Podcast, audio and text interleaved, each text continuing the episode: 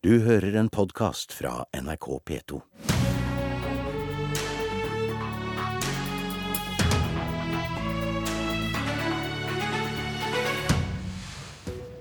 Høyre er feig som ikke kutter sykelønna. Hilsen Unge Høyre. De Grønne er urealistisk som vil fjerne oljenæringa på 15 år. Hilsen SV. Velkommen til Politisk kvarter, der det blir blått mot blått og grønt mot grønt. Vi starter med det første. På Dagsrevyen og nrk.no lørdag kunne du se at alle ungdomspartiene, bortsett fra AUF og Sosialistisk Ungdom, vil ha kutt i sykelønna. Fordi da går sykefraværet ned. Fordi vi mener det er viktig å få på plass en bærekraftig velferdsstat. Fordi vi må prioritere de som trenger det aller mest. Fordi vi vil ha en velferdsstat som tar vare på de mest sårbare. Slik at våre barn og barnebarn kan få en like god velferdsstat som oss. Vi hørte også stemmen din her, Sandra Bruflot, nestleder i Unge Høyre. Velkommen. Takk. Du var bare ni år i 2001, som var sist gang Høyre gikk til valg på å innføre egenandel ved sykdom. Siden har Unge Høyre på landsmøte etter landsmøte tapt kampen om å kutte i sykelønna. Det gjorde dere også nå i vår, da dere foreslo at folk som var syke skulle få utbetalt 80 i stedet for 100% av lønna. Du mener det skyldes feighet? Ja, eh, lite grann. Fordi dette er et kutt som jeg tror må komme. Eh, Perspektivmeldinga som regjeringa la fram, viser at vi har ikke råd til å fortsette sånn som vi gjør i dag. Og da kan man gjøre to ting. Vi kan enten øke statens eh, inntekter, eller så kan vi kutte i utgiftene. I fremtiden så kommer vi til å ønske oss minst eh, like bra velferdstilbud som vi har i dag, men det er ikke mulig. Vi har ikke råd til det. Og da mener jeg at det hadde vært veldig mye bedre om man tok noen av de kuttene som uansett må komme nå, mens vi fortsatt har et handlingsrom, i stedet for å skyve det foran seg og overlate regninga til neste generasjoner. Og det er det jeg mener at man gjør når man ikke går inn for f.eks. et kutt i sykelønna. Tone Trøen, helsepolitisk talskvinne og her nå representant for Voksen-Høyre. Hva svarer du til at din redsel for å miste velgere i dag gir kommende generasjoner i regning de kommer til å slite med å betale i morgen? Jeg anerkjenner først og fremst de ungdomspartiene som setter denne debatten inn i et generasjonsperspektiv. For det er, det er viktig, og det er bra. Det trenger vi. Men når det, gjelder, når det gjelder kutt i sykelønn, så er vi og alle andre ordninger som handler om arbeidsmarkedet, så er vi veldig avhengig av det trepartssamarbeidet som er i norsk arbeidsliv. Og vi ser jo at forslaget om å kutte sykelønn som, som på en måte ikke mottas positivt hos de andre partene, strander slik som det gjorde da, da f.eks. Stoltenberg foreslo det i 2006. Vi, vi trenger en bred forankring og en bred forståelse rundt norsk arbeidslivspolitikk. og dersom vi setter på en måte hardt mot hardt når det gjelder sykelønn, så, så kan veldig mye annet stå på spill, også innenfor arbeidsmarkedet. Men Betyr det da at politikerne er gissel av partene i arbeidslivet pga. Av avtalen om inkluderende arbeidsliv? Nei, det syns jeg ikke. Jeg, har, selv om sykelønnen på en måte har stått uh, slik den har vært i mange år, mange tiår, uh, så har det jo skjedd veldig mye på sykefraværsoppfølging. Der har vi gjort et veldig veldig stort arbeid i Norge uh, mellom, mellom partene. Nettopp fordi det er en veldig bred forståelse og veldig bred forankring rundt at skal, det skal lønne seg å jobbe, og vi skal hjelpe flest mulig raskest mulig tilbake i jobb hvis man, hvis man er syke. Men Avtalen om inkluderende arbeidsliv er fra 2001, og den hadde som mål å kutte sykelønna med 20 Siden da har fraværet gått ned med 10% viser de siste SSB-tallene. Må vi da vente i 16 år da, før vi når målet? Ja, det er, det er, jo en utfordring knytta til sykefraværet i Norge. Men vi er også blant de landene som har høyest andel folk i arbeid og høy produktivitet. Og det er jo på en måte det som er grunnlaget for velstanden vår, er jo at vi er mange som er i arbeid. Og så er vi nødt til å jobbe systematisk med å både sørge for at flere unge kommer raskt inn i arbeidslivet, at ikke folk er lenge borte fra jobb, og at vi fortsetter med disse viktige innsatsene for, for på en måte å senke sykefraværet. Bruflot, Kritikken mot forslaget om å kutte i sykelønna eh, er jo eh, ofte at det her rammer de svakeste. Ja. Og Hvis du har en hjelpepleier da, som er aleneforsørger eh, for to barn, mm. og som er full lønn og så sliter med å få endene til å møtes, og hvis lønna hans skal gå ned fra 100% til 80% hvis han er sykmeldt i to måneder, så, så, merkes jo det. Ja, absolutt. Men la oss si at den hjelpepleieren blir ufør. Da vil den hjelpepleieren miste nesten 40% av inntekten sin, og vil ikke ha hatt noen mulighet til å spare opp penger for å kompensere for det. Blir du sjuk ei uke, så har du tross alt vært i jobb. Du har hatt muligheten til å spare opp penger. Men at jeg er ikke enig i at dette er et kutt som vil gå utover de svakeste. fordi dette er tross alt mennesker som har en fast jobb å gå til, som har mulighet til å spare penger. Hvis vi hadde kutta fra 100 til 80 så ville vi fortsatt hatt en av de aller rauseste sykelønnsordningene i verden. Men i Sverige f.eks., der man har kutta, så ser man at sykefraværet er nesten halvert. Og jeg tror ikke på at nordmenn er så mye sjukere enn det det er i Sverige. Og så sier man også et annet argument som jeg mener man også kan ta med seg når man sier at dette er å ramme de svakeste. Det er at hvis man det man kunne gjort, er å harmonisere sykelønna og uføretrygden. Kunne man sagt at hvis du blir ufør, så får du, får du 80% men hvis du får influensa en uke, så får du også 80 Det mener jeg er veldig mye mer rettferdig enn den rause ordninga vi har i dag, med 100% sykelønn uten en eneste egenandel. Hva sier du til det forslaget, Trønd? Altså, jeg tror ikke det er noe tvil om at uh, et eh, kutt vil ramme de som kanskje har dårligst økonomi fra før. Det er veldig mange som står store arbeidsgrupper som har en type jobb som gjør at du ikke kan gå litt syk på jobb. Men hvorfor skal du få 100% når du har uh, influensa borte i uke, uh, og så skal du få 66 av lønna hvis du er ufør og ikke kan jobbe i det hele tatt? Jo, det, altså, det er to helt forskjellige ordninger, og vi er jo opptatt av at vi skal på en måte styrke arbeidslinjen. Det skal lønne seg å, å jobbe. Jeg jeg tror vi må, må sørge for innsats på mange områder. Ehm, jeg er helt eh, sikker på at vi ikke kan kutte oss til velferd. Jeg mener vi er nødt til å skape den velferden. Og det er jo det Sandra og jeg skal jobbe for i valgkampen. At, at Høyre skal fortsette i regjering. At vi skal fortsette satsingen på, på, kunnskap, forskning, utdanning. Slik at vi faktisk ruster våre barn til å øh, ha mulighet til å komme seg gjennom hele utdanningsløpet og få seg en trygg jobb.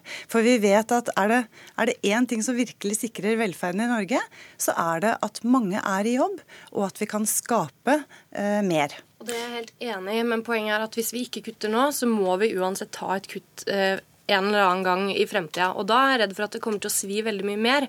Og det er det, det, er det mest det enkleste her er å si at vi vil ikke kutte noen ting. ikke sant? Og Det er også det mest populære. Det er det som eh, sikkert er hyggeligst på kort sikt.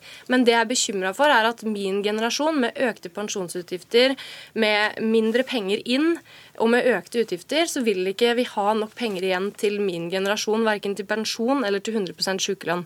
Da er det veldig mye bedre om vi kutter litt nå, sånn at det ikke trenger å svi akkurat så mye når vi må ta regninga. Stortingsgruppa til Høyre er jo full av folk som har sagt akkurat det samme som du eh, sier nå, da de var i Unge Høyre. Eh, men som plutselig ikke syns det er så viktig lenger eh, når de blir voksenpolitikere og blir valgt inn på Stortinget. Kan du love her og nå at du ikke blir en av dem dersom du blir stortingspolitiker? Ja, det kan jeg. Når det er sagt, så skjønner jeg veldig godt de som er valgt inn på et program, fordi det er det tross alt landsmøtet som har bestemt. Men jeg skulle ønske at landsmøtet hadde blitt med på å kutte litt for en gangs skyld akkurat i år. Vi får se. Eh, det var det vi rakk om sykelønn i dag. Takk for at dere kom, Sandra Bruflot i Unge Høyre og Tone Trøen i Høyre.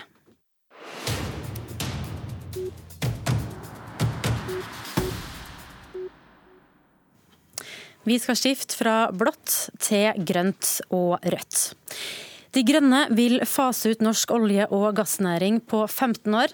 Dyrt, vanskelig og urealistisk, sier SV, som må finne seg i å være dem som trykker på bremsa, i hvert fall i eh, denne klimadebatten. Og før vi tar debatten, så skal vi høre hva oljeminister Terje Søviknes fra Frp sa da han hørte at MDGs landsmøte lørdag gikk inn for at Norge i 2032 skal være fri for olje- og gassindustri. Helt hinsides. Det er ren utopi, og det vil være en katastrofe for både Norge, for eh, framtidig velferd for kommende generasjoner. Og ikke minst for den kompetansebasen og de 200 000 som i dag er sysselsatt i næringa og deres familier. En ren katastrofe. Kari Elisabeth Kaski, partisekretær i eh, SV. Du bruker nok eh, andre ord enn hinsides og katastrofe, og har et helt annet syn på oljenæringas framtid enn Frp. Men også du er kritisk til MDGs vedtak. Hvorfor det? Altså, ingen skal være i tvil om at vi i løpet av de neste tiårene skal gå gjennom en ganske stor omveltning i Norge. Vi skal omstille oss til et nullutslippssamfunn i løpet av få eh, tiår. Og den, ut, eh, den omstillinga kommer vi alle til å merke, og jeg tror det kommer til å gå raskere enn det vi tror. Og jeg tror nok også at akkurat oljeindustrien og synet på fremtida til den er kanskje det politiske feltet i Norge der vi har de største motsetningene i dag. Um, men jeg er mer opptatt av å diskutere hva det er vi skal gjøre i neste stortingsperiode. Vi ser senest i dag at Erne Solberg igjen tar til orde for å åpne Lofoten, Vesterålen og Senja. SV vil prioritere at vi eh, holder de mest mest sårbare områdene lukka for oljeindustrien, og vi vil prioritere at vi ikke gir nye tildelinger til oljeindustrien. Det mener jeg er langt viktigere nå den neste stortingsperioden, at vi får gjennomslag for det, enn at vi setter oss nye eh, um, årstall og langsiktige målsetninger som klimapolitikken har hatt mye av. Er det i det hele tatt mulig? Jeg tror det er um, sånn at hvis du setter eh, stadige nye årstall for når vi skal være ferdig med oljeindustrien i Norge, så flytter vi diskusjonen ut på noe som er veldig lite konkret, og kanskje også mindre viktig. Det aller, aller viktigste vi kan gjøre for klimaet nå, det er å slutte å tildele nye lisenser til oljeindustrien i neste stortingsperiode. De slagene de står hver eneste dag. Og vi i SV er opptatt av å ha en politikk som, vi, som er både ambisiøs og som vi vet at vi kan få gjennomslag for i neste stortingsperiode. Anna Kvam, talsperson for Grønn ungdom og MDGs førstekandidat eh, i Rogaland, velkommen. Takk skal du ha. Det var du som fremma forslaget på landsmøtet i helga. og Kritikken fra Søviknes og Frp den var vel som venta. Men hva syns du om kritikken fra Kaski her? Nei, Jeg hører jo, hører jo, hva SV sier, og jeg er langt på vei enig i at uh, de viktigste slagene i neste stortingsperiode det står fortsatt om LoVC og om hvorvidt vi tildeler nye letelisenser til oljenæringa eller ikke. Men vi mener også at det å begynne å forberede Norge på at omstillinga ut av oljealderen skal skje ganske fort, særlig nå etter at verdens ledere har signert en Parisavtale, det er riktig. Vi må sette en dato for å framtvinge en plan for hvordan vi skal greie å komme ut av oljealderen på en trygg måte og med en hånd på rattet, eh, og ikke bare vente på at verden eh, kanskje gjør det for oss. Det frykter jeg blir mye mer dramatisk, mye dyrere og mye mer ubehagelig enn hvis vi gjør det på en trygg og planlagt måte selv. Men én ting er å verne områder å stanse nye tildelinger. Det blir jo politisk kamp eh, til de grader også om det. Men om MDG får viljen sin, hva med oljevirksomheten som pågår nå, og som er planlagt å pågå også om 15 år? Skal staten reise ut på private plattformer og skru av krana?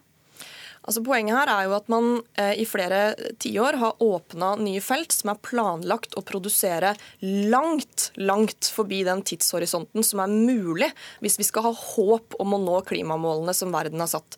Så når vi setter en dato, er jo det fordi vi mener det er innen den tidsramma det er sannsynlig at omstillingen kommer til å skje uansett. Og ved å sette en dato, så kan vi da begynne å lage en plan for hva vi skal gjøre i de 15 årene. Når vi ikke setter en plan, blir det litt som å på en måte, ja, hva skal man si, lese til en eksamen som man ikke veit når kommer, og så bare håpe at det tar lang tid. Så plutselig så kommer den innen ganske kort tid, og alle veit at når man bare leser til eksamen dagen før, så går det ganske dårlig når man sitter der. Kaski, når mener du det er realistisk da, og, at norsk olje- og gassindustri skal være utfasa? Nei, Jeg mener at det ikke er um, et selvstendig poeng å sette et årstall her. Vi vet at Norge skal være en nullutslippsnasjon og helst begynne å ha negative utslipp i løpet av starten av dette århundret. Innen 2050 må være en nullutslippsnasjon. Det setter jo noen føringer. Men jeg mener at hvis vi da fører en diskusjon om det siste oljefeltet som er i produksjon i 2040, så blir det feil fokus. Det er ikke det som er viktig for at vi skal løse klimaproblemet. Det er ikke avgjørende at vi får lagt ned akkurat Stat, eh, Statfjord på det og det årstallet. Det som er helt avgjørende, er at vi får stansa de to konsesjonsrundene som pågår hvert eneste år, og som vi ser at dag dagens regjering pusher på stadig lenger nord. Det som er viktig, er jo at vi nå får til allianse blant oss miljøpartier om at vi ikke skal åpne Barentshavet nord, at vi ikke skal tillate eh, oljeindustrien til å få tilgang til områdene rundt iskanten. De her slagene står vi jo i hver eneste dag. og jeg er opptatt av at vi nå eh, si, gjør det som er det aller enkleste måten vi kan være med å løse klimaproblemet, nemlig ikke tillate ny forurensning. Og Da blir det å diskutere akkurat årstallet faktisk mindre viktig. Det er ikke det som avgjør om vi får til å kutte klimagassutslipp. Men for oss så er jo det årstallet bare en, eh, en ramme. Ikke sant? Vi mm. er jo med på den alliansen. Mm. Takk for at dere kom, Kari Elisabeth Kaski og Anna Kvam. Jeg heter Siv Sandvik. Dagens sending er over. Vi er tilbake i morgen tidlig klokka kvart på åtte. Du har hørt en podkast fra NRK P2.